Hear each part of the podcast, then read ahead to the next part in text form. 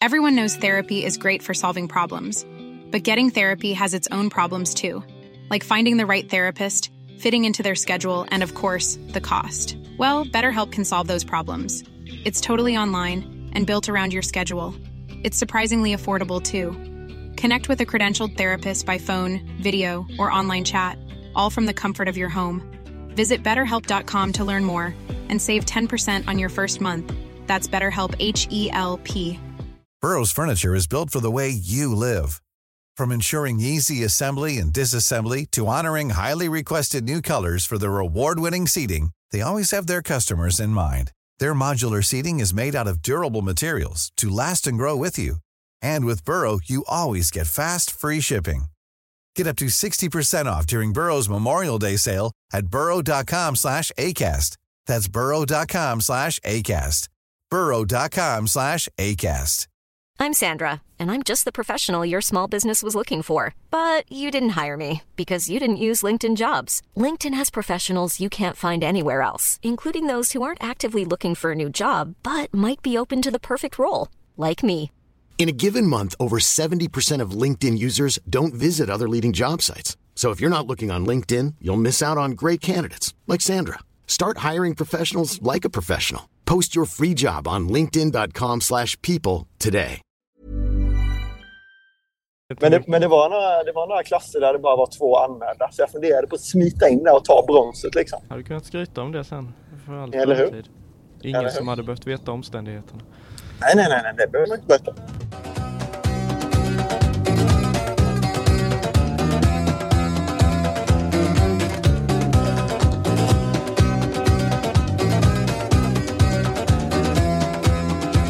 Hej och välkomna till GPs fotbollspodd som fortfarande saknar ett namn, men där vi fokuserar på Göteborgsfotbollen i allmänhet och Göteborgsfotbollen i synnerhet. Blåvitt, Häcken, ÖIS, Utsikten och Gais, damer och herrar, pojkar och flickor, men framför allt vi plockar upp de mest intressanta diskussionsämnena och händelserna från fotbollens värld varje vecka. Vi som gör det är jag, Robert Laul, Linus Pettersson och Filip Troler. Men Linus, eh, du är iväg någonstans. Är du med på telefon här nu? Men vad fan är du egentligen? Eh, sitter i en bil som rullar fram längs E4 och vi har precis passerat Umeå nu. Så att jag är extremt långt från Göteborg. Oj, du har eh, tagit er upp eh, förbi eh, Höga Kusten och allting, eller vad fan blir det? Jajamän, vi passerade Höga Kustenbron för några timmar sedan här. Så att ja, det rullar på. Ja. Där är det vackert Filip du. Det är riktigt vackert där uppe, så jag förstår att Linus är där och semestrar. Jag trodde först han skulle sitta hemma och spela fotboll manager med Fredrik Janlin på sin lediga tid. Det brukar han göra, men eh, det var ju trevligt att- att han får komma ut och, och se vackra Sverige. Eh, låter bra det. Eh, vi ska också eh, betrakta vårt vackra fotbolls-Sverige en hel del i den här podden idag. Eh, givetvis våra fokuslag. Eh, men vi ska börja med en lite vidare utblick. Jag vet inte om ni, eh, kära kollegor, har hängt med i det jag har skrivit om senaste dagarna här. Att svensk fotboll och polisen nu har grävt ner stridsyxan. Det är samsyn och samverkan. Villkorstrappan finns inte längre. AIK får släppa in full publik på sin klackläktare för första gången på eh, över fem år. Spontana reaktioner, det var ju en dominerande fråga i fjol får man säga. Spontan reaktion eh, på det, total lycka. Jag, faktiskt, jag är så trött på, på de här eh, dispyterna och konflikten som har funnits mellan SupporterSverige och polisen och för alla inblandade så tror jag att det är bra att, att eh, det tas ett omtag och att man eh, skrotar den här villkorstrappan. Vi vill alla ha fulla läktare och så mycket tryck på matcherna och sådär. Eh, Så jag hoppas bara att alla, alla sköter sig och att allt blir bra men eh, jäkligt gött tycker jag i alla fall. Linus, har du hunnit tänka något på det här eh, på, under din roadtrip? Jag har hunnit läsa dina texter i alla fall, så det är ju steg ett. Eh, nej, men eh, också eh, bra känns det som. Eh, alltså sprickan mellan polis och support har ju varit enorm. Eh, så det har ju behövts göra någonting och det, det här omtaget känns verkligen rätt. Eh, om jag förstår rätt så, så siktar man in sig mer på individen snarare än massan. Och det har väl egentligen varit det som har varit det stora problemet. Att man, eh, för att någon, någon liksom bryter mot lagen, bryter mot ordningen så, så har liksom det drabbat så många. Eh, det kommer såklart bli svårare att liksom pinpointa ut de här individerna men det känns som rätt väg att gå verkligen. Ja, och du sätter ju verkligen fingret på vad det handlar om där. Eh, du pinpointar det faktiskt. Det är ju just den liksom eh, skillnaden där att, att den här villkorstrappan den, liksom, den accepterades ju inte av vare sig klubbar eller supportrar. Eh, och det var väl grunden till konflikten eh, i fjol. Eh, och då ersätts den då av något som de kallar för villkorshandboken.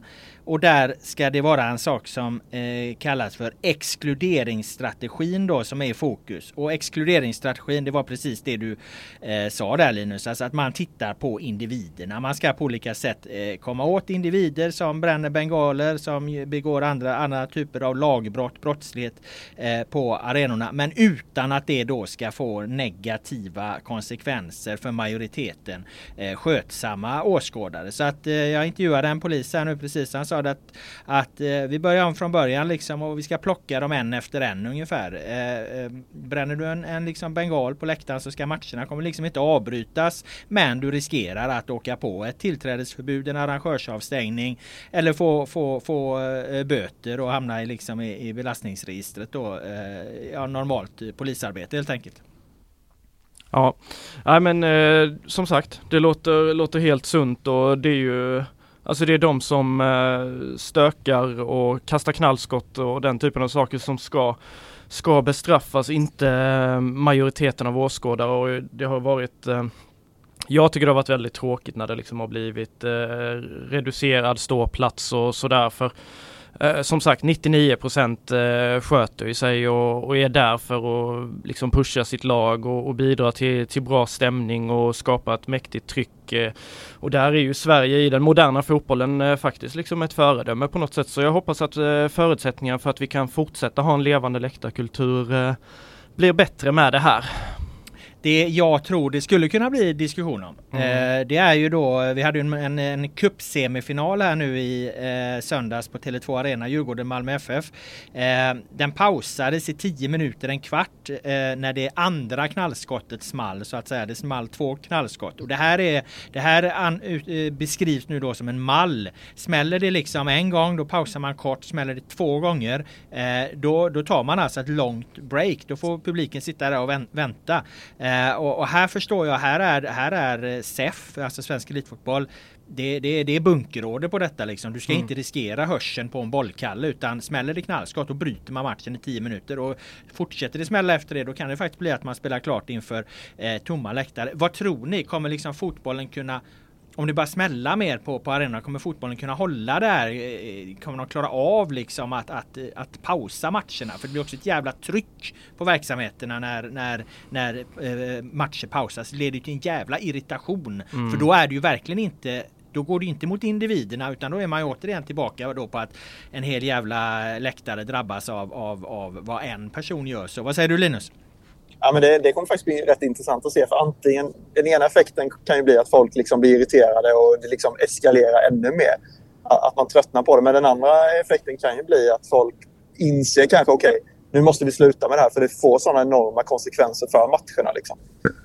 Um, jag tycker också det ska bli intressant att se Alltså man vet ju svårigheten med att identifiera personer på läktarplats med tanke på hur mycket de maskerar sig, de kliver in under banderoller, de byter kläder. Alltså de gör ju allt för att verkligen inte synas. Mm. Så även, även, om jag är positiv till att man riktar in sig mycket mer mot individer så tror jag att det, det kommer krävas ett extremt stort arbete av polisen och, och, alla runt omkring för att lyckas identifiera de här personerna.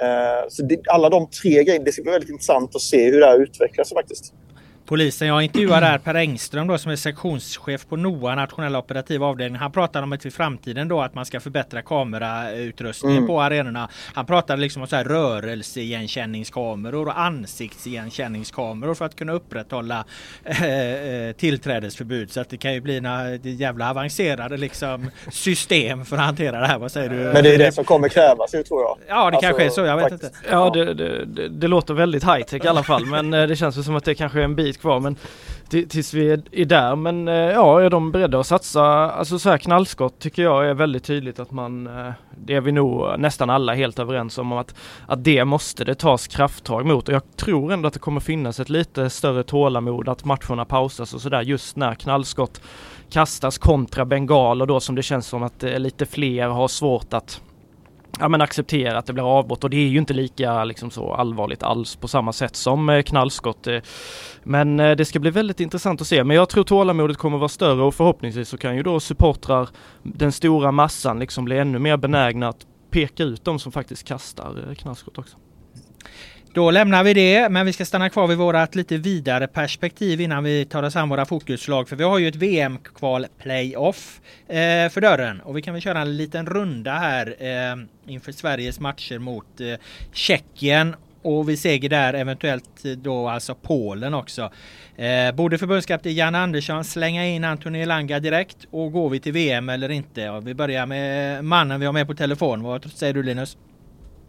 Elanga direkt? Ah, tveksamt från starten. Så alltså, det känns som eh, ett gäng namn går före honom i alla fall tycker jag. Eh, men däremot, eh, alltså passa på att utnyttja honom som en inhoppare nu med tanke på att han är så, så jäkla het som han är. Så nej från start, ja till inhopp. Om Sverige går till VM, ja det är klart de gör. Det känns ändå som Tjeckien känns som ett, en, en rätt okej okay lottning. Sen kommer Polen bli lite svårare men, men det känns ändå överkomligt båda två. Så att, mitt svar blir ja på den andra frågan.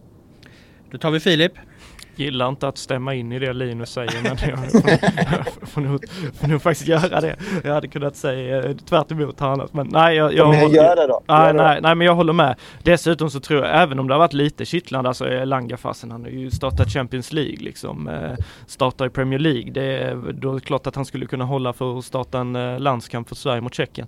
Men jag, jag, tror det är helt, jag tror inte det finns en chans i världen att Janne skulle köra in honom. Janne är en han har sin grund liksom och sen får det långsamt flyttas om där liksom. Det blir inga totala kast, omkastningar. Du kan i Janne där. ja lite så. Och jag tror väl också att, eh, jag tror väl också att eh, vi löser Tjeckien. Jag är inte lika säker på att vi löser Polen borta liksom. Lewandowski han är i fin form som vanligt sådär men Sverige har ett bättre lag så liksom ja, eh, på, på pappret så ska vi lösa det här. Okej, då kommer jag med facit då. Eh, jag eh, jag håller med där, Elanga blir tufft. Eh, däremot så, så, tror jag han och Isak, eh, Alexander Isak i en framtid skulle vara ett väldigt fint eh, anfallspar. Nu är ju Kulusevski jävligt formstark mm. men Kulusevski Alltså jag är lite tveksam till om han är en forward eller inte liksom i en, i en anfallsduo så. Däremot så tror jag just att Isak och Elanga skulle bli ett väldigt fint anfallspar men det ligger längre fram i tiden så jag, jag, tror inte heller att han, jag tror att, eh, att det blir väl Isak och, och Kulusevski här. Zlatan är ju avstängd så att allt talar väl för det. Jag tror faktiskt inte att Sverige går till eh, VM. Jag tror att, eh, att vi klarar att besegra eh, Tjeckien på hemmaplan. Sverige förlorar i princip aldrig på, på, på Friends. Eh. Minns fan inte när det hände senast. Eh, förkrossande hemmastatistik. Eh, däremot Polen med den här back, backlinjen som Sverige har. Vem som nu ska spela. Nu snackas det om att de ska ringa in Lustig som högerback liksom. Eh, och Danielsson, mittback egentligen har det varit snack om och, och, det är ganska lite speltid på många i backlinjen där så att jag, jag tror att det blir jävligt svårt mot Lewandowski inför liksom eh, 60 000 vilda polacker i Katowice eller vad fan matchen nu spelas. Så att jag tror den blir ruggigt tuff, eh, tuff eh, uppgift alltså. Så jag tror faktiskt att Sverige tar Tjeckien men eh, inte Polen. Ja, nej, det, det är ju inte omöjligt men när du säger där Elanga, Isak om vi tittar så känns det som att det, det här klassiska svenska att vi alltid har haft så jäkla bra försvarsspelare och stabi, stabila bakåt det, det är ju helt tvärtom nu den eh, offensiven man kan tänka sig då här om något år liksom Forsberg, Kulusevski på varsin kant och så Isak och Elanga framåt alltså det är ju Ja, wow, det är ju bättre än ÖIS offensiv i Superettan Men eh, och, och, samtidigt då så defensivt så ser det ganska rangligt ut liksom. Det är ju Lindelöf som eh, toppklass där och ja, sen är det väl inte så Augustin som klart men ja, det är lite mer frågetecken där. Det var en fin radioövergång där också till, till, till ÖIS då. Vi ska inte gå rakt på ÖIS. Vi ska ta hand om, om deras fruktansvärda offensiv då. Det ska vi hantera lite senare här. Eh, däremot kan vi lämna eh, landslaget då med, med dessa då eh, profetior så får vi se vem, vem, vem av oss som får rätt. Vi var väl i alla fall hyfsat överens. Eh, men vi ska gå på våra fokuslag som sagt. Eh, och när det kommer då till stadens lag så har vi ju ett gäng som har gått hela vägen till Svenska cupen-final. Eh, BK Häcken FF. De möter eh, Rosengård. Giganternas kamp direkt.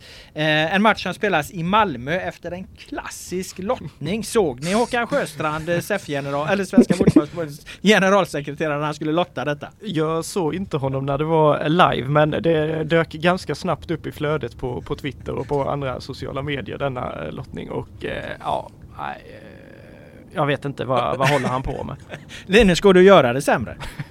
Nej, alltså jag har sett de där bilderna om och om igen. Alltså det ser verkligen ut som att man tar upp den ena bollen, tittar på den, lägger tillbaka den och sen tar upp den andra. Alltså det går, det går inte att snacka bort det där. Alltså det, jag, jag tycker verkligen inte det. Och jag tycker också att det borde ha blivit större rabalder kring det. Du har uh, ännu mer reaktioner. Alltså, det har ju varit alltså, rätt mycket. Var, alltså. men det hade, ja, det har varit rätt mycket, absolut. Men, men eh, Håkan Sjöstrand sa ju själv att, att han hade inte fått några reaktioner till sig. Eh, vilket jag tyckte var konstigt. Det var mest enligt honom de media som hade reagerat på det. Men alltså, jag tror också att det hade blivit större rabalder om det inte bara, bara inom eh, liksom, situationstecken hade gällt en, en hemmaplansfördel i kuppen. Eh, det hade ju aldrig accepterats i en Champions League-lottning till exempel. Det kan jag tänka mig.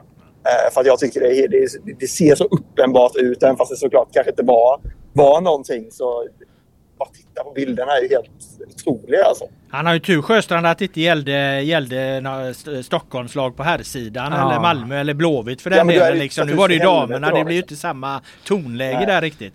Nej precis, eh, hade det varit cupfinalen där mellan Malmö och Hammarby istället där det där hade hänt då hade nog Håkan Sjöstrand haft lite fler reaktioner i, i mejlinkorgen. Han hade fått avgå tror jag. ja, lite långt ifrån. Nej men jag såg också, han hade väl uttalat sig i någon intervju om det var på Fotbollskanalen eller vad det var eh, om, om den här lottningen. Han beskrev ju också, där, men jag tittar in i kameran hela tiden och det, det stämde inte alls överens med hur det såg ut.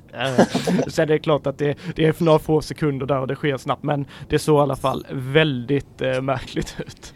Men, men Linus, mm. du tror på fullt allvar att det var riggat? Nej, nej, det, nej, det, det vill jag väl ändå inte tro alltså. Eh, det vill jag inte göra. Men, men du är inte helt säker? Om bara, men, men, om man bara hade tittat på bilderna. Alltså säg så här, om man bara hade tittat på bilderna och lyssnat på vad han säger. Då, då hade jag kunnat tolka det som riggat alltså. För att han säger ju nästan så här, ja den första bollen jag tar upp och så tar han upp en boll, får spela hemma och sen lägger han ner den och börjar fortsätta prata liksom. Eh, så eh, ja, bilderna och orden i sig riggat ja, men jag tror såklart inte att det var det. Är jag detta, hoppas, jag vill inte hoppas att det är det i alla fall. Är detta rubriken på podden nu här, Pettersson, SVFF, korruptare? Ja, det känns, det känns ändå som du är lite, du svajar lite där. Det kan, du lämnar ändå ett litet utrymme för att det kan faktiskt kan vara så att Svenska Fotbollförbundet ville ha matchen i Malmö och inte Men vadå, i Göteborg. Ni, ni håller inte med mig alltså? Jo, alltså... Jag alltså, att det är helt jag, lugnt Nej, jag säger så här. Alltså, jag, jag tycker att det är fruktansvärt. Då, alltså, om man kan misslyckas med en lottning så går det inte att misslyckas med Alltså, det, det, det, det är den sämsta lottningen genom tiderna. Men det, det är ju helt, det är helt, eh, det är ju helt uteslutet att man ska rigga det för att en cupfinal ska hamna i Malmö på dams... Varför i helvete? Vad fan spelar det för roll? Nej, det liksom? känns alltså, inte... Nej, nej. Totalt uh, ologiskt. Men uh, nej, tillbaka med Gerhard Sager. Han får uh, in och sköta lottningen. Ja, det är klart att han fan Sager ner. Hans hår höll på att blåsa bort när han lottade på Vallala en gång för tio år sedan. Var det inte några papper? Ja. Han, hade de inte jo, jo. papper? De jo men bollarna blåste ju också bort liksom. Hans Sager sprang ju efter bollarna. Studsade ju runt på Vallala där om man minns rätt. Fan Sager alltså han måste ju tillbaka nu. Ja, han avgick ju för ett antal år sedan. Ja. Fan det har inte ens tänkt på. Nej tillbaka med honom. Ja, ja, Den trygga punkten. helvete det är bara Sager som kan rädda upp det här. Fan att jag inte ens tänkt på det alltså. Eh, ja, eh, det var en fotbollsmatch som tog, eh, tog eh, Häcken till den här finalen då i alla fall. Eh, semifinalen eh, mot eh, Hammarby. Jag följde den. satt ju hårdare åt den vad man kanske trodde. De fick ju en, en ruggigt dålig start Häcken. Det var lite intressant. De kom ju snett in i matchen, låg under så här och anledningen till det när jag pratade med Vilahamn det var att eh, Pablo Pinones Arce, Hammarbys tränare, han överraskade med att spela en trebackslinje och Häcken visste då inte hur de skulle pressspela mot den här eh, eh, trebackslinjen. För så långt hade de då inte kommit i sina eh, förberedelser. Vi har hyllat Vilahamn tidigare här men det får han ändå ta på sitt konto att de liksom kan komma i en match. Och så det, det är inte helt ovanligt att lag spelar med trebackslinje och då, då, då, då står spelarna handfallna för de inte riktigt vet hur de ska pressa. Vad, vad säger ni som också är taktiskt bevandrade? Ja, nej, nej men det är väl eh, det är bara hålla med dig egentligen. Det är helt sant. Man måste ju ändå ha lite eh, förbereda sig för olika scenarier. Kanske framförallt också i en cupmatch där det är lite mer ovisst. Alltså det, det hänger verkligen på den matchen. Det är inte en lång säsong där du ska liksom bygga ditt lag genom en serie. Så, så det är väl ett litet eh, ja, ska vi säga minus är väl kanske, men ja, en litet frågetecken där för Vilahamns för, förberedelser. En liten not i kanten ja, Linus, eller?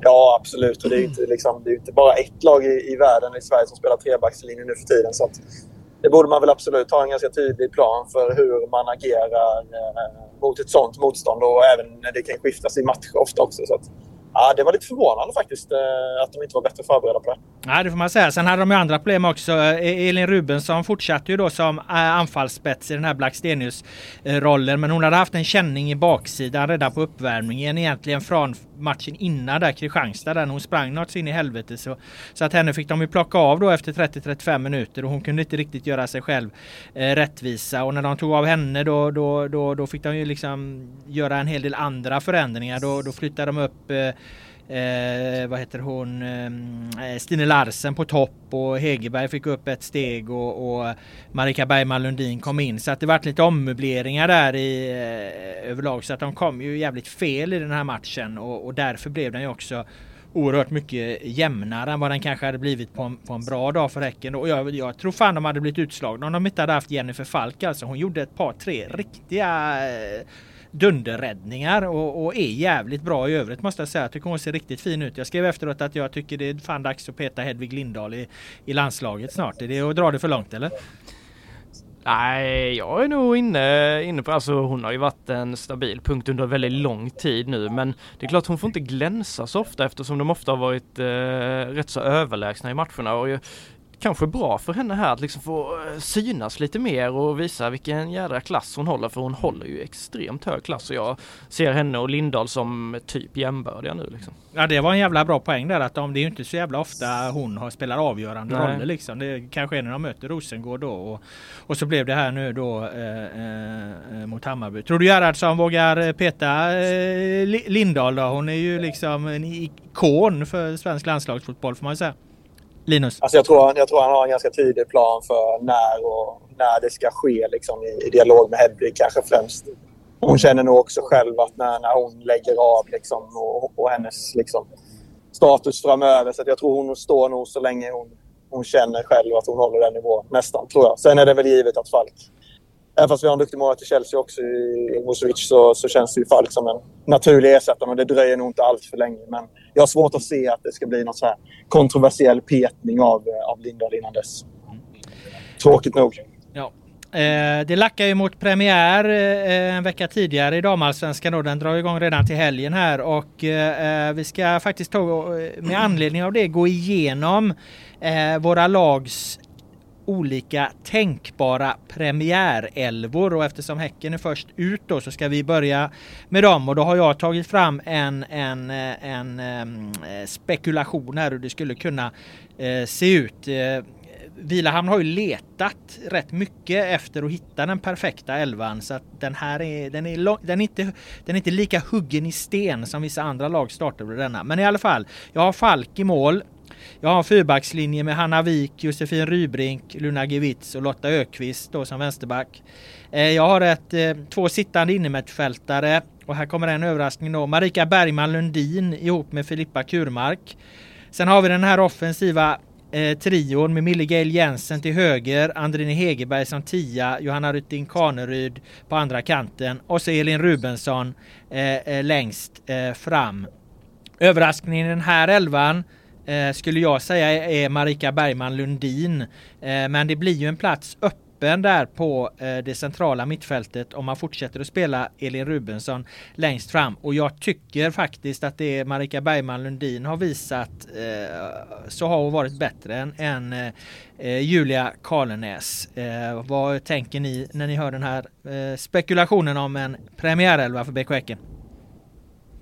Ja men eh, det är väl bara att skriva under på det att du eh, Bergman Lundin är en liten överraskning där. Jag ska vara ärlig och säga jag har inte sett mycket av henne men eh, då gissar jag att hon har imponerat lite grann. Karlenäs har ju ändå ett ganska gediget CV även om jag och det var väl hon själv också kan väl jag gissa känna lite att hon fick ju inte ut sitt max i fjol och då kanske fortfarande inte har varvat igång så pass som man ändå jag hade förväntat mig i alla fall. Det är ju en liksom erfaren och ja, ganska som sagt meriterad spelare. Så eh, ja, lite förvånad över att Karlenäs står en bit ifrån så. Ja, alltså det jag också drar det på lite det är ju att, att när de fick göra de här rokaderna då i, när Rubensson eh, fick utgå mot, mot Bayern då var ju bara Marika Bergman Lundin som kom in där mm. i 35 mm. minuten på den platsen. Sen kom Karlenäs in också men hon kom in senare i, i, i den offensiva mittfält snarare nummer 10 rollen liksom och, och, eh, hon har använts där lite oftare då. Så att eh, sen såklart Stine Larsen har gjort mängder av mål här under försäsongen. Hon är ju också ett, ett, ett namn såklart. Eh, vad tänker du Linus? Nej, men jag tror absolut att det kan bli den, den startelvan när det väl är dags. Men jag tycker nog ändå det är fel på något sätt. Eh, jag vill ändå ha Rubensson och Kurmark tillsammans på, på innermittfältet. Jag tycker de kompletterar varandra extremt bra. Och jag tycker också att Stine Larsen ska, snarare än då kanske Rubensson, ska vara den som får inleda säsongen som, som nia. För att jag tror det är, det är viktigt på lång sikt att få igång henne. Uh, om det nu inte blir något ytterligare nyförvärv, Wilhelm flaggade väl lite för det att det eventuellt ska in någon anfallare till. Det har sig flaggat, flaggat för, för länge. Månader. Ja, exakt. Det blir blåvitt eh, målvaktsjakt här nästan. nästan så faktiskt. Uh, nej, men sen om man, om man ska nämna något ytterligare namn där så tycker jag Didia Sommes har sett rätt uh, bra ut de matcherna vi såg, framförallt där nere i, under lägret.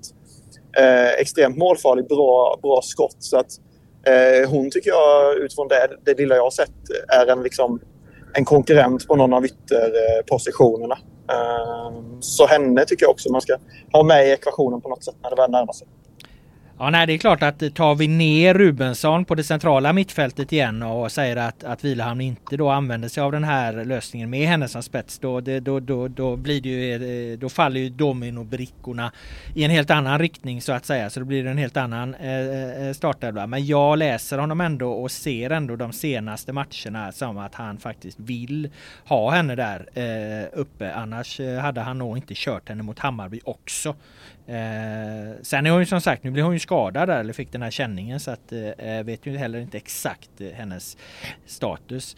Så att eh, där har han lite att fundera på, eh, Robert Vilahamn. Och medan han gör det och förbereder då eh, för Häckens premiär borta mot Umeå. Sen har de ju Bayern igen i sin hemmapremiär. Det, det, det känns väl egentligen som en kanske hetare match då veckan efter. Men premiären är ju borta mot Umeå till helgen. Eh, så under tiden de funderar på det där så ska du äntligen få kasta loss här nu eh, Filip med ÖIS och deras ohyggliga offensiv. Eller framförallt då deras premiärelva. För vi ska gå igenom de andra lagens eh, premiärelvor då. De ligger lite längre bort i tid när det drar igång. Men eh, vi har ju bra koll där också. Så låt höra, hur blir det eh, för ÖIS? Ja men det är väl eh, Alltså generellt så tycker jag det känns som att det är väldigt många av våra lag där premiärelvorna inte känns liksom sådär självklar utan att det är nästan fortfarande så här ett par veckor innan så är det 16-17 man nästan som är med och, och, och tampar som startplats. Eh, ÖIS har ju varit på läger i Barcelona nu. Vi har ingen aning om vad de har gjort där nere. Det har varit mycket lek verkar det som i alla fall. Jag har sett lite videos på deras Youtube-kanal. Men... Det är vad de säger utåt ja, i alla fall. Säger utåt, ja precis. Vem vet vad som har skett där nere. Dane kanske har gått loss. Det har varit fest i en vecka. Nej det tror jag absolut inte. De har säkert drillat på och jobbat med processen. Eh, Elvan då, som den är här och nu, om jag skulle gissa, eh, kan dra den lite snabbt, då tror jag att det blir eh, Sixten Molin i mål. Eh, Jonathan Asulaj, Marcus Haglind Sangré och Anton Lans eh, i trebackslinjen. Eh, Hampus Dahlqvist som höger wingback. Eh, Anel Rashkai, Erik Nolgren centralt mittfält. Sen tror jag här är svår, alltså jag tror kanske att Dane plockar ner Daniel Paulsson som vänster wingback bara för att han ska få in sin mäktiga offensiv med Sargon Abraham, Niklas Bärkroth och Aydin Selkovic. Eh, de tre längst upp där, eh, spontan fråga, eh, eh, räknade du dem nu som de, eh, alltså Abraham till höger och mm. Selkovic vänster och Bärkroth central då alltså? Är det så, eh, så man ska se det? Så tror jag att man ska se det, men det är ju stort frågetecken här liksom. Är Berker, hur färdig är Bärkroth i formen? Vi vet ju inte hur, han, hur, hur långt han har kommit på sin steg eh, än så länge. Då är det ju ganska eh, liksom sannolikt att man kör Paulsson som eh, spets, kanske som lite falsk nia, Aydin till vänster, Sargon till höger och så kör man Elias Gustafsson eller Anton Andreasson eller Isak Dahlqvist till vänster wingback då. Um, Men jag tänker bara, vad fan Bärkroth centralt, när fan spelade han det senast? Ja, nej, alltså? det, det, det är liksom Aydin, jag tror, inte, jag tror inte han vill flytta Aydin från vänster, alltså även om han kanske också skulle kunna göra det ganska bra centralt så det var ju den vänster, vänster ytter ska jag inte säga för de spelar ju mer med två tio liksom en rena yttra. Men det var ju den positionen han liksom glänste och gjorde 18 mål i fjol. Jag har svårt att se att Dane kör upp honom. Och Men då, då, tror jag, då tror jag att, eh, att Bärkroth kan nog gå till höger ja, också. Kanske, alltså. kanske att Sargon då uh, skulle kunna vara ett alternativ. Eller ja. får Sargon då sätta sig på bänken och att Polle då går upp som uh, central och att Bärkroth går till höger. Det känns väl också ganska logiskt. I övrigt så är det det är också ett par andra positioner. Det är inte säkert Anton Lantz eh, spelar, Arvid Brorsson är där och, och, utmanar. Vill Dane ha lite mer dynamik på centralt mittfält? Kevin Ackerman fortfarande med och, och tampas. Isak Dahlqvist är mångsidig, kan spela på flera olika positioner. Inte omöjligt att han vill ha in honom också. Så där är väl ytterligare några, några så som är med och tampas verkligen in i det sista tror jag. Vad tänker du i din bil eh, Linus? Ja, men när jag satte mig och plitade ner min troliga och tänkbara U11 så hade jag egentligen samma namn som Filip förutom att jag, jag, jag skickade ut Sargon på bänken. Eh, det, fick, det fick bli så. Det fick bli Elias Gustafsson som vänster wingback. Jag tycker att han, han eh, har varit, både han och Hampus Dahlqvist egentligen har varit extremt bra. Och det intressanta med dem tycker jag är att de, deras wingbacks ofta skiftar kant. Det tycker jag man knappt aldrig ser annars i några andra lag. Eh, tycker jag är extremt noterbart. Och, um, jag tycker båda de två, och även Anton Andreasson, har gjort det väldigt bra. Eh, så jag tror nog att han väljer, väljer dem till slut och, och spelar Daniel Paulsson som spets. Eh, intressant också med, med såklart eh, Ackerman. Vad ska han in i det här bygget? Det tycker jag också ska bli spännande att följa. Och sen också backlinjen då. Han har ju testat lite Arvid Brorsson som centralt då, och mm. Haglin Sangria till vänster. Funkade det inte riktigt eh, i den matchen jag såg. Ehm, jag hade nog velat ha, och det tror jag Dan också till slut vill ha, Haglin ner i mitten. Ehm, och få in Anton Lantz vänsterfot. Det är ändå ganska viktigt i en trebackslinje att ha en vänsterfotad mittback. Ehm, det var väl där de ville ha in Emin Grosanic från mm. Gais kan man tänka sig. Och därför tror jag nog att de väljer Lantz eh, till slut. Så att, även fast det är några namn som knackar på, det finns lite olika möjligheter att göra, så känns den i min värld hyfsat given elva ändå. Ja, det, ja, lite så. Sen ska vi ha med oss, de möter HBK i premiären också. Det är ju ett tufft motstånd så kanske för balansens skull lite att man som Linus är inne på där att man kanske kör Polle där uppe och tar in Elias eller Anton Andreasson eller Isak Dahlqvist där till, till vänster. Men äh, ja, rätt så öppet ändå tycker jag. Och äh, många alternativ låter det spontant ja. som där. Äh, på väldigt många sätt. Jag menar det är ju, även om vi har svårt att pussla ihop en given startelva så är ju det, det, det, det, kan, det, det, är ju, det är ju snarare ett, ett gott tecken liksom. Att, att det, det liksom det är ändå så pass konkurrens om platserna och det är så många som kan spela på lite olika så det finns många, många alternativ. Ibland är det jävligt skönt tror jag man kan känna att ja, men elvan är given, alla ja. vet vad de ska göra och så men på en, på en lång säsong så behöver du en trupp som kan användas på lite olika sätt. Ja, ja, nej precis. Det är egentligen bara backlinjen där, jag, alltså där det saknas lite. Det är ju egentligen bara Brorsson som är aktuell för en elva utöver de tre då. Men, både... men den är ju mer beroende av, av dock att ha lite kontinuitet ja, och bli samspelt. Ja, liksom. precis. Men annars är det ju på mittfältet finns ju massvis av alternativ. Nu försvann Lucas Browning här till Dalkurd precis bara för någon dag sedan. Det, det tunnar väl ut det lite men han hade, kändes överflödig. Han hade inte fått, han hade inte fått mycket speltid. Offensivt finns ju då Olle Johansson också som har lyst under försäsongen. Alexander Ahl Holmström har väl inte riktigt kommit igång men det är ju en tung värvning också. Gjorde mycket mål för AFC förra våren och sådär. Så det, ja, det, när han kommer igång också kommer han också vara med och liksom tampas som en startplats tror jag absolut. Där har du ett vapen på hörnet också för ja. han är väl lång något så in i helvete. Ja. I alla fall var han det senast jag såg honom så att eh, det ja, borde han vara fortfarande. jo men han, är, han tillför lite längd och lite styrka, lite target sådär det de har saknat under, under väldigt lång tid. Så nej, jädra massa duktiga spelare och även får jag nästan nämna Robin Wallinder också som har fått mycket spel till målvakt. Liksom tampas med Sixten Molin som också är liksom i sin uppstart på något sätt i ÖIS. Så eh, även om jag tror Molin blir första valet så Wallinder han är där och flåsar också.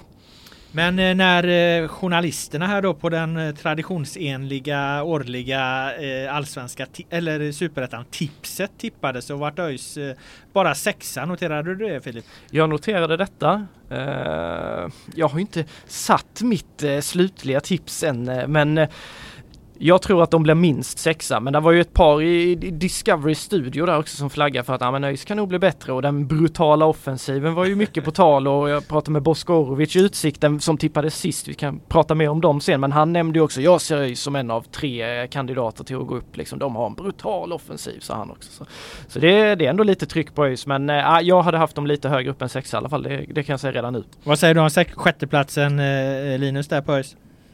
Nej, men på, på, ett sätt är det ett ganska rimligt tips med tanke på de stegen de har tagit. Vad, vad de varit 12 8 de senaste åren. Då, mm. Om jag inte missminner mig. Så att, ett, ett rimligt steg att ta om man ska följa processen. Sen tror jag också att de, att de kommer bli bättre än så. Uh, jag, jag kanske har riktigt, lite svårt att se att de ska utmana på riktigt, men jag hade nog tippat dem uh, lite närmare toppen ändå. Uh, fyra, trea, fyra kanske. Och då är de i och för sig där och nosar. Så att, uh, li, lite svagt tips faktiskt. Mm. Eh, vi ska kasta oss över eh, Geis och deras eh, eh potentiella premiärelva för att en sådan har du också tagit ut eh, eh, Filip. Så låt höra, hur, det... hur ser det ut när Geis drar igång i division 1? Det har jag gjort och eh, om ÖIS eh, fanns lite öppningar i den så finns det en jävla massa öppningar i Geis Känner jag i alla fall. men den elvan som jag har tagit ut det är Mergim Krasniqi i mål, sen högerback Mohamed Jola, mittbackar Emin Grostanic och Viktor Kryger, vänsterback Niklas Andersén, tremanna mittfält med Filip Gustafsson, Jonas Lindberg och Harun Ibrahim. Och ett anfall bestående av Gustav Lundgren till höger, Ben Morris till vänster och Michael Carbo längst fram. En klassisk 4-3-3 eh, lät det som. Jajamän, det blir det. Eh, Gustav Lundgren där till höger är man ju lite nyfiken på. Eh, det var ju han som, som eh, kom från, ut från eh, öarna va? Eller fan var från? Ja, Onsala. Ja, så var det. Ja. Onsala, ja precis. Ja. Eh, och som är, är, är, ganska gammal ändå för att göra en sån här flytt. Och har, men han går rätt in i elvan här, det är inget snack om det heller. Nej, det tycker jag inte det är något snack om. Han har sett väldigt fin ut under försäsongen och om han, ja men jag skulle nog hålla honom som det största utropstecknet hittills i Gais 2022. Eh, han inledde ju väldigt fint de första matcherna där och, och visade prov på en fin avslutsfot. Och, alltså han har varit han har varit bra, eh, jäkligt bra i division 2 och utsätts till bästa mittfältare där i, i den serien. Och Testade med ÖIS i vintras, provspelade där. Dan Ivarsson har haft koll på honom länge. Ryktades lite om eh, IFK Göteborg också att till och med de skulle ha lite eh, halvt ögonen på honom. Ehm, så det är ju en spelare som sitter inne på kvaliteter och jag tycker han har visat eh, här under försäsongen att han, han, är, han är given. Men det är väl inte så många mer med honom som är just givna. Det, jag vet inte om Linus vill spela in någonting först innan jag börjar gå loss totalt. Ja, låt höra Linus, vad, vad, vad, vad har du? Nej, men det, jag saknar ju den stekhete Axel Henriksson som vi fan ägnade ett halvt avsnitt åt förra veckan. Han nämns alltså inte nu kring Filip själva. Jag har ju inte börjat med mina, mina Nej, okay. dueller här. Så. Lite lugn, ja. Nej, men han är väl ett namn. August Wengberg petar du också. Eh, lagkaptenen. Ja, du får förklara det sen. Jag bara liksom kastar lite skit ja, över Han vill gärna göra det. Ja, du har mycket, men du har mycket att svara på nu Filip. Ja, men, ja Julius Lindberg också. Det känns ja, som mig. Visst, han hade, han hade lite, lite tufft, uh, tufft förra året i och för sig. Men känns också som en spelare som, som verkligen kan glänsa i, i ettan. Eh, nye Richard Friday är väl också någon spelare som man skulle kunna tänka sig att kasta in. Och även Noah Jatta. Han måste ju spela nu. Eh, han är nästan det första namnet jag hade kastat in. Det är ju en talang som Gais ska ta tillvara på. Så att jag känner spontant att Filip har mycket att eh, stå till svars för här. Du kunna ställa två startelvor mot varandra. det låter nästan så. Nej, men varsågod Linus, bara ös på här. Nu ska du nu ska jag läxa ja, upp det lite här. Ja. Eh, August Wengberg naturligtvis, eh, helt given om han hade varit skadefri. Han har inte varit det under den här försäsongen utan inte spelat i stort sett ingenting. Han startade mot Tvååker men fick kliva av med, som jag förstått en, en skada igen. Jag såg inte matchen, jag var ju på fjällsemester men jag har läst mig till det att han, han fick eh, kliva av och eh, då känner jag att med premiären bara en och en halv vecka bort så Ja, efter en, eh, en försäsong som helt har uteblivit i princip och Mohamed Jola dessutom har sett jäkligt bra ut så eh, hade jag nog eh, valt Jola ändå. Eh, vad hade du fler för några? Just det, Julius Lindberg, lite samma problematik. Tokgiven naturligtvis om han hade varit eh, skadefri och i form. Men han har också ägnat stort sett hela försäsongen åt rehab. Eh, det finns fler, eh, Axel Henriksson är med där och konkurrerar. Richard Friday, han har precis kommit in. Jag har svår, alltså han, han är inte värvad för att sitta på bänken. Jag tror att han kommer ta en startplats så småningom. Men då är det kanske Ben Morris eller Michael Carbo sådär som kommer, kommer få flytta på sig. Men det är de, de tre med Carbo, Morris och Lundgren som har, har kört mycket här under försäsongen och därför tror jag att de ligger bäst till. Noah Jatta, absolut. Han eh, han och Filip Gustafsson gör väl någonstans upp om att få agera ankare eh, på, på mittfältet. Ehm, så han, han tror jag kanske är den av de spelarna som eh, du nämner som ligger närmast en, eh, en startplats. Sen är det också frågetecken för en sån som eh, Jonas Lindberg, han var inte med senast, varit skadad. Viktor Alexandersson är med, han rehabbar, när kommer han tillbaka? Axel Norén som spelat i Falkenberg värvar de in, han är duglig nog att starta som mittback men jag tycker Viktor Kryger har sett jäkligt bra ut. Jag tycker Geis har varit stabilare när Kryger har spelat än när han inte har gjort det så ja, det är den här elvan som gäller Linus. Jag hoppas du fattar lite mer nu. det kändes ändå som du fick lite svar på tal där Linus. Ja, ja nej, men jag kastade bara ut mitt namn. Jag lägger ju upp bollarna som Filip på sina kängor. Det är alltid så vi jobbar. Ja, ja. Eh, så han får glänsa. Nej, men jag tycker det är intressant när man tittar på Gais trupp att det finns... Alltså den ser rätt bra ut faktiskt. Um, vi pratade ju tidigare i vintras att det, det tog lite tid för dem att få ihop det. Och först kändes det som ingen hade kontrakt och sen fick de de här en av nyckelspelarna och, och, några av de som var kvar förra året att stanna. Uh, och nu känns det faktiskt som att, jag, vet, jag vill inte säga kanske att en, en bättre trupp än förra året, men jag tycker faktiskt inte en, spontant att den, den är inte jättelångt ifrån fjolårets trupp faktiskt. Sköldmark har gjort ett jävla jobb helt enkelt på alla ja, sina roller får man ju ändå säga då. ja, jag vet inte vad du säger Filip, men uh, om man jämför med fjolårets trupp, jag, jag tycker faktiskt inte att den är liksom på pappret så jättelångt ifrån. Nej det tycker inte jag heller. Alltså det är klart att det var några, alltså lite mer namn med, med tyngd i som, mm. som har försvunnit. Eh, men det har ju varit spelare som inte riktigt har levt upp till förväntningarna också, typ som Nikola Ladan och, och eh, ja men det är ju massvis av spelare som Simon Alexandersson gjorde ju bra, meriterad spelare, han har försvunnit. Han finns väl fortfarande lite, lite sur om att han kan komma in som någon sista minuten värvning här, men det behövs väl lite pengar till det i så fall. De hade väl mått rätt bra av en, eh, av en lite mer storvuxen anfallare och sådär. Men eh, nej, jag håller med dig. Framförallt eh, så tycker jag att det här laget har mer fart än vad fjolårets lag eh, hade. De var rätt så, liksom, det var rätt trögt och det gick långsamt och i år är Gais väldigt tydliga med att fart är melodin och fart finns det mycket av. Så eh, jag tycker också att de har fått ihop en jäkligt bra trupp faktiskt. Eh, där de befinner sig i seriesystemet dock så pågår ju inga, inga eh, fashionabla tv-sändningar och så här. Så att här har vi inga experter som har tippat dem och inga journalisttips och så. Inte mig mm. veterligen i alla fall. Eh, men på er låter det som att de går rakt upp. Ja, nej inte. De har väl någon liten upptaktsträff ettan ja, tror jag också. också. Men, men jag, jag har inte hört något om, om den än. Eh, och sen vet jag inte om det brukar vara mediakåren eller om det är tränarna som tippar det. Jag tror det är okay. tränarna som brukar tippa. Det har inte gått genom bruset i tipset i alla fall. nej, det har det inte gjort. Det har det inte gjort. Men, går de rakt upp? Ja, men nu ja, ska du ha dina raka svar där. eh, jag vill sitta och fundera några dagar ja, till. Du kan du fundera lite till så kan Linus säga något om det istället. Rakt upp för guys. Um, det är lätt att säga, säga ja och, och, det är klart att de borde absolut vara med där uppe i toppen. Men sen, man ska, alltså ettan är ingen serie man springer igenom. Vi ska komma ihåg att Falkenberg till exempel är ju det. Och mm. även liksom Skövde AIK som gjorde en bra säsong förra året och Trollhättan. Det finns många så spännande bra lag. Men, men jag tror nog ändå att de fixar det till slut. Så att, uh, ja, det får bli mitt svar. De kan åka rakt ner också. Det kan de absolut göra. Ja, det, det, det kan jag lova dig Laula, att det, det kommer inte ske. Även om det varit mycket misär för Grönsvart de senaste åren så eh, nej, det, den här truppen... Trolers löfte. Ja, det är, det är, till guys. Det är Trolers löfte till guys, det kan jag lova dig. Eh, nej, de ska vara, man har ju så jävla dålig koll på konkurrenterna liksom. Allsvenskan, Superettan har, har man ju ändå rätt bra koll på hur de andra lagen ser ut. Men man har ju dålig, det man kan förvänta sig är ju att många lag i ettan eh, Eh, är rätt så samspelta. De, alltså guldkornen försvinner uppåt men annars är det ganska samma trupper som tuggar på och, och det är såklart en fördel kontra det Gais har då som har i princip en helt ny trupp nästan. Eh, så där är väl den lilla oron liksom att det kanske kommer ta lite längre tid för Gais innan de kommer igång och man vet ju skulle det bli lite raskig start så blir det ju direkt tryck på dem. Så det är väl i så fall något sånt som skulle kunna stoppa dem lite grann. Men nej, den, den här truppen ska, de ska lösa en eh, topp två i alla fall så som jag ser det. Låter stabilt. Eh, då ska vi kasta oss över Utsikten och deras premiärelva. För även här har du gjort ett eh, stort jobb Filip att ta fram eh, eh något som eh, vi andra då sen kan eh, såga. Låt höra. Precis. Eh, och i fallet ÖIS och Gais där så ska vi säga att de har ju sina genrep kvar då så det kanske klarnar lite mer efter det. Utsikten har haft sitt genrep. De hade sitt genrep igår, vann över Falkenberg med 3-1. Eh, trots att de saknar 6-7 spelare med skadefrånvaro och minst 5-6 av dem är ju eh, aktuella för startelvan. Eh, så den här är också svår att sätta ihop med tanke på att det är lite osäkert på hur många av de spelarna som hinner tillbaka och vilken status de har då. Men vi gör ett försök i alla fall.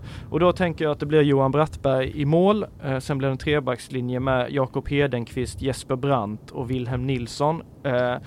Sen höger wingback Erik Westermark, vänster wingback Karl Bom och ett tremanna mittfält med Marcus Björkqvist, Mattias Bovin och William Milovanovic. Längst upp Enzima Peter och Albin Skoglund. Peter gjorde för övrigt två mål mot gamla klubben Falkenberg igår och sänkte dem. Eh, och såg riktigt vass ut faktiskt. Alltså han är ju riktigt bra Enzima Peter. Alltså jag minns ju hans klassiska mål där när han räddade Falkenberg. Räddade väl någonting kval eller vad fan ja, det var. Där var med den, den, liksom, den låga, hårda, flacka chippen chippen som han eh, var så jävla fin efter att han hade snurrat upp ett par gubbar. Nu minns jag inte vilka eh, det var de mötte men det var ett riktigt klassavslut. Det är rätt kul att han har hamnat eh, eh, där i, i utsikten. Eh, eh, de tippades ju sist på den här beryktade upptaktsträffen som vi precis eh, talade om. Men, men, där känns det liksom som att det här har nog många bara tittat på ut, lilla utsikten liksom. De, mm. de, de, har inte gjort läxan på samma sätt som du har gjort där för det där är rätt bra startelva, är det inte det?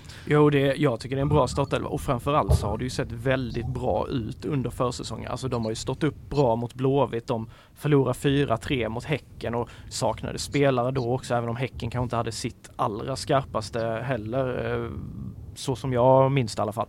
Men eh, de har, de har varit bra, gjort mycket mål, sett ganska stabila ut bakåt.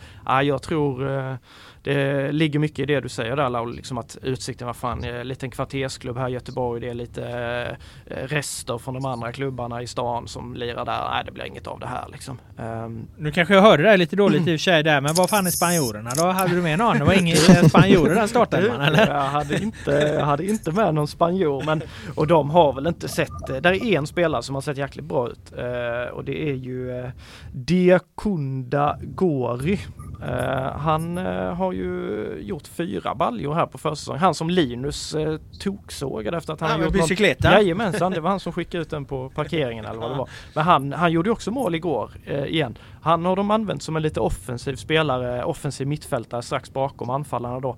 Eh, så han är väl en sån spelare som absolut är i närheten av startelvan. Men Bosko sågade hans försvarsspel i en intervju att nej, han, han måste lära sig lite mer där. Men han är jäkligt vass offensivt sa han. Så kan de bara få ordning på han taktiskt där i försvarsspelet så kan han nog också ta sig in i elvan faktiskt. Är Magnus Persson nöjd med detta Linus?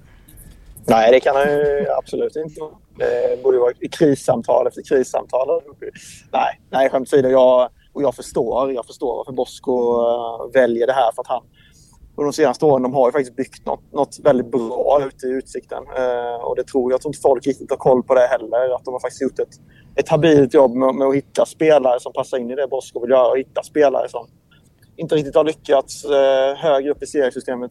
Filip gjorde ett utmärkt reportage om dem förra säsongen. Nu de få liv i spelare och, och det är bara att titta på den här startelvan så ser man ju att det är många spelare som har varit i i de andra lite större Göteborgsklubbarna inte riktigt lyckats där, men nu hittat rätt i utsikten. Så att det blir svårt för spanjorerna att slå sig in i den här elvan. Eh, men kanske undantag Gori då som dribblade in ett mål mot Häcken där i den matchen jag såg. Han såg rätt pigg ut där faktiskt. Eh, så han blandar och ger lite. Mm. Ja nej men det är absolut. Och det, sen är det ju några spelare till liksom sånt som Predrag Randelovic tidigare Gais-spelaren. Han eh, Det man hörde i alla fall var att han var ju närmast dominant i ettan i fjol. Och eh, han finns där på centralt mittfält och de tog in eh, var det igår eller förrgår så tog de in en, eh, norsk, en, en, mittback från Rosenborg på lån, en 20-årig talang som liksom fick chans när de eh, spelade Europaspel. Eh, han fick 45 minuter nu mot Falkenberg. Där är säkert också en spelare som kommer kunna vara med och, och tampa som speltid. Och, ja, Lukas Hedlund, tidigare Häckenspelare finns där. Ja, det är många, det är jäkligt många. Jag tycker de har en bred trupp också, liksom många offensiva alternativ och sådär. Så, ja, jag tror inte de blir sist i Superettan, det tror jag absolut inte. Nej, jag att du ställer Lukas Hedlund ja. utanför elvan är ju en smärre skandal alltså. uh, jag tänkte jag skulle få någon öppning här och såga din ja, laguttagning. Kör nu då. Du tog den. Nej, men ja. han, han tycker jag, jag tror han skulle passa perfekt jämte Simon Peter. Alltså, han har en fart, tycker jag, Lukas Hedlund, som fart och en avslutsförmåga eh, som är bra. Alltså. Han gjorde rätt mycket mål i ettan i fjol. Och jag tror verkligen att han har potential att, att explodera i år. Så I min värld går han före Albin Skoglund eh, alla dagar i veckan. Ja, du får hacka i dig det eh, Filip då. Eh, eller vill du, vill du försvara dig på något sätt? Skadad häl Nej, jag, jag, eh, har inget försvar här. Nej, men det var ju Hedlund faktiskt som, eh, som startade med Peter igår också. Så det var inte omöjligt. Men jag vet... Ja, det är mod, modigt ändå att ja, du ändå bänkar honom. Ja, då, det men Bosko är glad för Albin Skoglund vet jag. Så vi får väl se där. Men, kan Bosko? Ja, det, det är väl hugget som stucket där tror jag. Men... Bra, eh, ser vi fram emot utsikt Utsiktsens eh, säsong också. Eh, vi ska ta oss an BK Häcken, då deras eh, premiärelva och den är det jag som har tagit ut så att då får ni eh, komma med era invändningar i den här eh, riktningen i så fall. Sågningar hette det när det var mina, nu är det invändningar. Ja, men man behandlar den, den seniora programledaren med lite större respekt. Så att. Eh, här har vi då ett Per-Mattias Högmos klassiskt 4-3-3 med Abrahamsson i mål. En fyrbackslinje från höger då med eh, Totland, Tebo, Hovland och Hodzic. Totland, Tebo, Hovland och Hodzic. Det, fan, låter som ett eh, boyband eller någonting där. Det låg fint i munnen. Eh, mittfält, eh, eh, Friberg, Berggren, Rygard. Tre man. Och sen har vi då anfallslinjen som är lite lurigare. Eh, men eh, där har jag satt upp Uddenäs, Sadik och Leo Bengtsson. Och eh, ja, ni kan få, få komma med era invändningar för jag förstår att det finns ett par uppenbara i den för att det finns ju ett par spelare här som är, är, är ganska märkliga frågetecken. Alexander Jeremejeff till exempel, han är ju inte med här. Hade du tagit in han i elvan direkt ändå Linus eller? En hel och frisk Alexander Jeremejeff hade jag definitivt skickat in. Men nu, nu vet vi ju att han har... Han klev ju av eh, i träningsmatchen mot Utsikten efter en halvtimme en känning i baksidan som kom lite från ingenstans. Uh, han har haft problem med mer kring höft och ljumske under uh, tidigare delen av försäsongen. Och egentligen har han spelat totalt 50 minuter någonting under hela försäsongen. Mm. Så nej, han ska absolut inte starta i en, i en premiär. Vi såg ju Sadik kom in också där mot Utsikten och gjorde två mål och såg ruskigt jäkla pigg ut. Alltså, Eh, Eh, jag har ju hyllat honom innan och jag kan hylla honom ännu mer. Jag tror det är verkligen en joker och, och, och hålla ögonen på i år. Så att i min värld går han in direkt. Samuel Gustafsson, det är väl lite samma läge där. Även inte riktigt i, i slag för att konkurrera om en, om en mittfältsplats. Det känns också ganska givet. Amanda Romeo, absolut ett namn. Men, men inte heller riktigt där och Peter Friberg än. Sen är det väl vänsterbacksplatsen egentligen som, som är det största och den kanske största konkurrensen just nu. Eh, Hodzic för mig är ett, ett mer tryggt kort. Kristoffer eh, Lund lite mer fladdrig defensivt. Eh, så jag är nog också inne just nu på att han går på Hodzic faktiskt. Filip, synpunkter? Alltså jag tycker, eh, jag tycker elvan känns mer huggen i sten när det gäller Häcken om vi jämför med de tre, fyra lagen vi har pratat, pratat om här tidigare. Eh, just att hade Jeremejeff som Linus säger, hade han varit i form då är det, och hel och frisk, då är det klart att man hade haft med honom i en elva. Men det verkar inte och det har inte funkat jättebra under Högmo heller för Jeremejeff. Så han känns som att han har hamnat i något lite, jag vet inte, något vakuum liksom. Det är ju en klassspelare som nu bara liksom, ja, sitter lite bäng, kommer in, är skadad. Ja, men det, ja, och det är tråkigt för honom och det är tråkigt för Häcken också. Det känns inte som att det riktigt har, har eh, ja, det synkar inte riktigt där för tillfället. Annars, nej, jag håller faktiskt med. Alltså mittfältet med Friberg och, och Berggren och, och Rygaard känns ju som, tycker jag i alla fall, deras starkaste lagdel. Jävla kompetent kompetent trio. Eh, och sen, eh, nej, ser inga direkta utmanare. Det är väl mittbacken där lite, Tebo. Eh, ja, jag har sett för lite av honom, men Linus och du har ju öst beröm över honom, framförallt Linus där. Men eh, det känns väl som att han är före Hammar ändå. Eh, och Tobias Karlsson också. Ja, han tyckte jag gjorde bra förra hösten, men det är väl eh, vänsterback och, och mittback då kanske som är lite frågetecken i min värld. Ja, nej men alltså konkurrensen i startelvan den är ju precis de ni nämner där. Det är liksom Johan Hammar eh, och Tebo eh, har ju en duell där. Eh, eh, Hodzic på vänsterbacken och Kristoffer Lund Hansen har ju en duell som vänsterback och sen har du Samuel Gustafsson eh, som, som, såklart nosar på en startelva när han är, är hundra tillbaka eh, med en av de här tre då Friberg, Berggren, Rygaard där.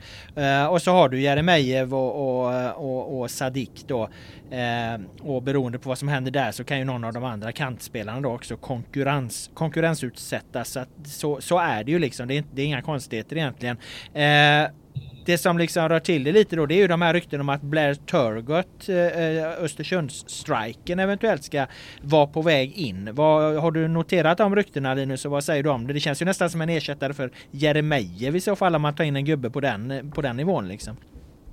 Ja, men jag, jag tyckte det kändes ganska logiskt rykte. Jag var mer förvånad över att de plockar in han eh, norrmannen där, Lars Odell Larsen. Han känns ju mer som en, som jag har fattat det som, som en mittfältare. Eh, offensivt lagd absolut och kan kanske spela kant också men mittfältet har de inga problem med att fylla med folk. Eh, så då känns Turgott, tycker jag, som ett mer logiskt rykte. För jag menar, om du kollar bakom de tre där framme, förutom Jeremejeff, så finns det inte så mycket. Eh, Ali Youssef absolut, men han är inte riktigt där än. Han är fortfarande rehab för sin korsbandsskada. Så att jag ser nog mer att de skulle plocka in någon där framme faktiskt. Eh, och Sadik kan ju spela på båda kanterna också. Eh, så för mig tycker jag att Turgut-ryktet är, är ganska eh, ganska logiskt och rimligt och eh, jag tror det hade varit bra för Häcken om man hade fått in honom. Det var ju en upptaktsträff på här sidan eh, som vi berörde eh, kort eh, eh för Superettan Det var ju det för, på, på, i Allsvenskan också. Eh, där tippades Häcken sjua av den församlade presskåren om jag minns rätt. Eh, köper vi det? Ja, eh, det gör vi. Eh, jag tror att de hade kunnat vara ett högre hot om Beni hade fått vara frisk. Eh, och det hade, ja, det hade, ja, det är ett stort tapp med honom alltså. Mm. Eh, det gör så mycket för deras spel. Eh, så att jag tycker det är rimligt.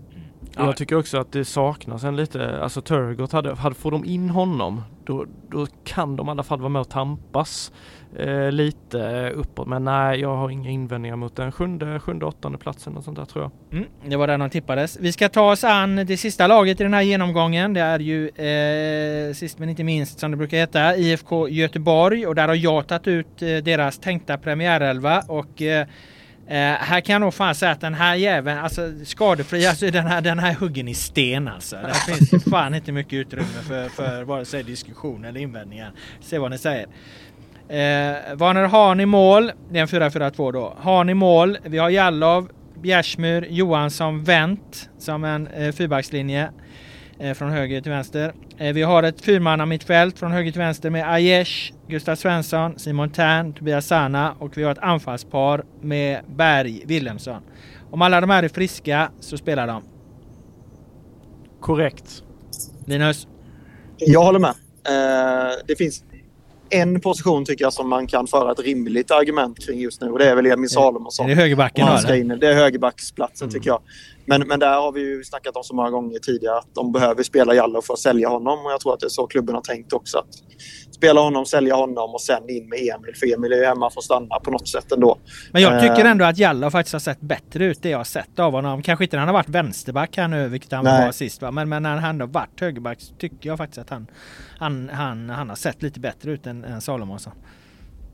Ja, jag vet inte riktigt om jag delar. Jag tyckte Emil var rätt vass mot Elfsborg faktiskt i den matchen. Ja, den såg ju dock uh, inte jag va, så att det, det, det, är möjligt att det, det har svängt där då. Men, men nej, men det kanske är, klart, den. Jallow lider ju mycket av att han får, eh, får något till hoppa in och agera vänster, vänsterback och det är ju inte alls hans position.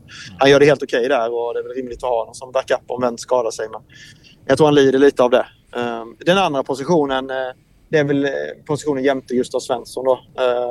Simon Thern eller Amir Alamari. Eh, jag såg, nu fick ju alla med chansen mot Norrby där eh, i den träningsmatchen när Mikael Stare skickade ut bara reserver och juniorer egentligen. Eh, det var ingen eh, av startspelarna från Elfsborgsmatchen som var med där. Och då förväntar man sig ändå, tycker jag, att, att vissa spelare som är nära och nosar på startelvan ska ta chansen och visa upp sig. Jag tycker egentligen inte det var någon som gjorde det. Förutom Hussein Karnell då, men det, det, det är jag inte förvånad över. Eh, Amari stack inte ut i den matchen och jag tycker faktiskt att Simon Thern eh, går före just nu. Jag tycker också att om man hör på Micke Stare när han pratar om saker och ting så vill han vill ha han, han vill jävligt gärna ha Tern på plan om, om Tern är fräsch liksom. Det var jag fick de, kände de signalerna redan i, i höstas att han vill ha Tern på plan. Mm. Ja men det är väl inte så konstigt heller alltså Tern har ju ändå med Norrköpingstiden färskt i minne, alltså vilken, eh, vilken motor han var där och hur viktig han var för det laget. Det är väl det någonstans Blåvitt strävar efter att kunna få Simon Tern dit och han har inte varit där än men det finns ju förklaringar till det men ja det här blir ju verkligen hans eh, ja, säsong. Om han får vara hel då måste förväntningarna kunna eh, skjutas i höjden lite på Simon Tern. Han, han måste steppa upp men är han skadefri så finns möjligheten i alla fall men nej jag håller med. Alltså det känns eh, alla, Alamari versus Tern hade kanske kändes spontant här tidigare under försäsongen som att det skulle kunna bli en het duell om vem som skulle få spela men det känns ju ändå någonstans givet Tern. Man trodde väl också lite mer på Erik Sorg att han kanske i alla fall skulle ge Wilhelmsson någon form av match liksom kring att spela bredvid Berg men nej det är ju helt eh, dött lopp där. Eh, Wilhelmsson, Wilhelmsson eh, tar ju den givet där liksom. Um, nej, det är väl Oskar Wendt om han som sagt. Hans uh, är en lite glas, glasspelare där liksom så blir det Salmonsson och Jallo som täcker upp. Men nej, det, fin det finns typ inga frågetecken. Eh, tipset då från den församlade presskåren kring IFK Göteborg var ju en nionde plats. Har vi några invändningar kring det? Lite lågt eller? Ja, det tycker jag. Jag tror ju vet inte hur mycket tips vi ska prata men jag tror att, eh, jag tror att Blåvitt kommer eh, högre än så. Jag tror inte de kommer topp fyra men jag tror de kommer högre än, mycket högre än nio. Eller mycket högre men högre än nio. Linus? Reagerar ja, du på journalisttipset, nionde platsen? Ja, lite, för, lite förvånande att journalisterna tippar dem så lågt. Alltså om man bara ska prata ur den aspekten så jag trodde nog att folk hade högre förväntningar på dem och högre tro på dem. Eh, ute i landet. Så ut, utifrån den aspekten tyckte jag det var lite förvånande. Jag, jag såg spe, väl, spelbolag, spelbolaget, spelbolagen eller vad fan det var, det var en sammanställning av spelbolagens eh, så, oddsättning eller något bolags oddsättning. De brukar ändå vara ganska bra på det där. De hade dem som sjua så de hade dem lite högre då. Mm. Ja det var mm. Ja, jag har väl satt dem som, jag tror jag har satt dem som åtta. Det är, det är ju någonstans där, någonstans där alla tror att de kommer hamna. Eh, men vi har pratat om det här övre sjoket av, av lag. Eh, det känns som att IFK Göteborg antingen slår ut något av dem och, och blir kanske femma, sexa, sju om de har riktigt tur. Eh, annars så landar de där åtta, nio någonting. Eh, det är i alla fall min bild av det. Eh, faktiskt. Ja, jag är ändå lite förvånad över att, ja, men att det så men alltså så tydligt har blivit att Blåvitt ska vara 8, 9, 7 liksom. Fan de var ju, visst det var ju risigt stora delar av fjolåret men i höstas var de liksom ett av seriens bästa lag. De tvålade till Djurgården men var 3-0 på gamla liksom. Var ju en maskin när publiken var tillbaka och de fick spela på, på gamla och sådär. Jag tror ändå man underskattar dem lite grann. Jag tycker också Elfsborgsmatchen visar lite att Fasen, det finns ändå kvalitet i det, i det här gänget när det verkligen gäller och det var inte så att det hade varit orättvist om Blåvitt hade lyckats trockla sig vidare till, till en cupsemifinal. Men det är klart att ja, många baserade väl på en kass försäsong och där det har sett trögt ut med det egna spelet på, på många sätt och vis. Men jag tycker ändå de har blivit lite för liksom ner, eh, nedtryckta så. Liksom. Vet du vad jag tror? Att det är jävligt bra för IFK Göteborg att vara nederlagstippade ja, alltså, ja, det... istället för att de har, har det här jävla trycket eh, som de ofta får på sig. Liksom. Jag tror att det, det, det, det kan nog fan vara en, en, en relevant, även om sånt snack egentligen nödvändigtvis inte betyder så mycket så tror jag att det kan vara bra faktiskt att nu är de ju faktiskt Alltså de är inte nederlagstippade, det är ingen som hävdar att de ska åka ur men, men, jag menar det är liksom Det är ju inte det liksom trycket på att de ska, ska ta en Europaplats liksom som det kan vara så att det, det är nog en, en fördel för dem. Eh, det tror jag med faktiskt. Man tänker ju när alla hemvändare kom hem och med det laget de faktiskt har på pappret. Det var lite det jag menade med att att det är lite förvånande att journalisterna tippar dem så lågt. För att om man bara tittar på, på laget de har och spelarna de har så borde de faktiskt tippas högre. Eh, men jag tror också att de, precis som du säger Robert, att de, de mår bra och får, får lite lugn och ro och inte den här dunderpressen på sig direkt det jag väger in när jag liksom ändå tycker att det är ganska rimligt där med 8-9 någonstans. Det är ju att jag, jag känner att de är så jävla beroende av Berg. Mm. Eh, eh, och det, det, är så jävla vanskligt att vara så be, beroende av en, en så väldigt bra spelare. Eh, det är klart det går ju liksom inte att man kan liksom inte hålla på och kalkylera med att folk ska bli skadade och så. Har man en bra spelare så är det klart att det är superbra att ha en väldigt bra spelare. Men, men, men tappar de honom x antal matcher så känns de så väldigt mycket försvagade. Eh, jag har svårt att se vad fan Blåvitt ska göra offensivt om de inte har Berg. Nej, det och just när Sorg också har sett helt iskall ut så blir man ju orolig för deras skull där liksom. Ska Oskar Willemsson då, eh, 20, knappt 20 år fyllda, eh, bära det, den offensiven då? Det kommer ju bli han och typ Sana som får gå upp där och så Norlin in på kanten och så. Men som sagt, sen kan man inte heller kalkylera om att folk ska bli skadade. Men men jag har svårt att se att det är något lag som är så beroende av en enskild spelare i Allsvenskan 2022 som Blåvitt är av Marcus Berg. Det var ganska bra eh, slutord skulle jag säga eh, där eh, Filip. Vi hade x antal eh, lyssnarfrågor. Vi kan spara dem till eh, en annan vecka. Vi har hållit på en, en god timme här nu. Vi ska släppa iväg varandra till viktigare uppgifter och du ska få fortsätta med din roadtrip Linus. Ja, jag vet inte var vi är nu. Någonstans mitt i Det låter bra. Ni har kört vilse här under tiden. Nej, det, det är, jag varken kör eller sköter musik eller någonting. Jag är totalt eh, overksam på den här resan. Du har eh, pratat bra i alla fall, så jag tackar dig för din utmärkta insats. Jag tackar dig Filip för din. Jag tackar alla er som har lyssnat också. Eh, podden utan namn är tillbaka nästa vecka. Ha det gott!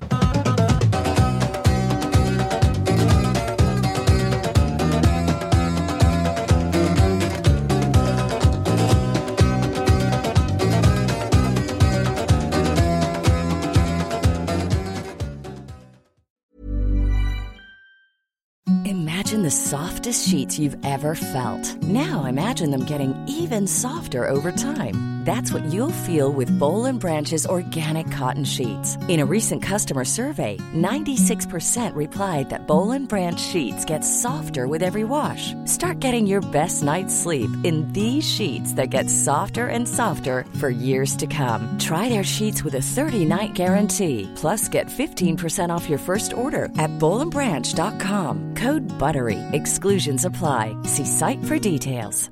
Planning for your next trip? Elevate your travel style with Quince. Quince has all the jet-setting essentials you'll want for your next getaway, like European linen, premium luggage options, buttery soft Italian leather bags, and so much more. And is all priced at 50 to 80% less than similar brands. Plus, Quince only works with factories that use safe and ethical manufacturing practices. Pack your bags with high-quality essentials you'll be wearing for vacations to come with Quince. Go to quince.com slash pack for free shipping and 365-day returns.